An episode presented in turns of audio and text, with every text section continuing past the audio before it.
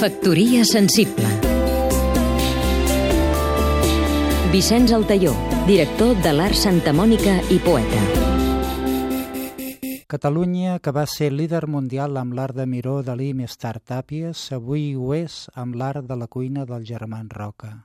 A partir d'una revolució de la combinatòria, iniciada per Llull i seguida per Ferran Adrià, amb intel·ligència col·lectiva, el Germán Roca anant molt enllà, acaben de posar a la història una òpera d'art total.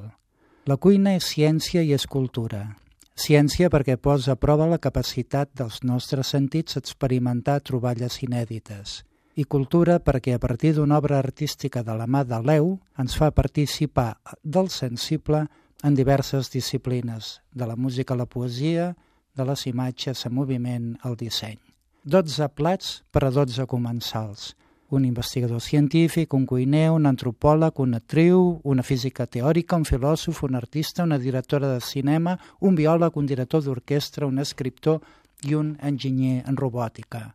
Leonardo da Vinci, l'artista florentí, símbol del Renaixement pel seu humanisme i la força creativa, va pintar el Sant Sopar per a un convent.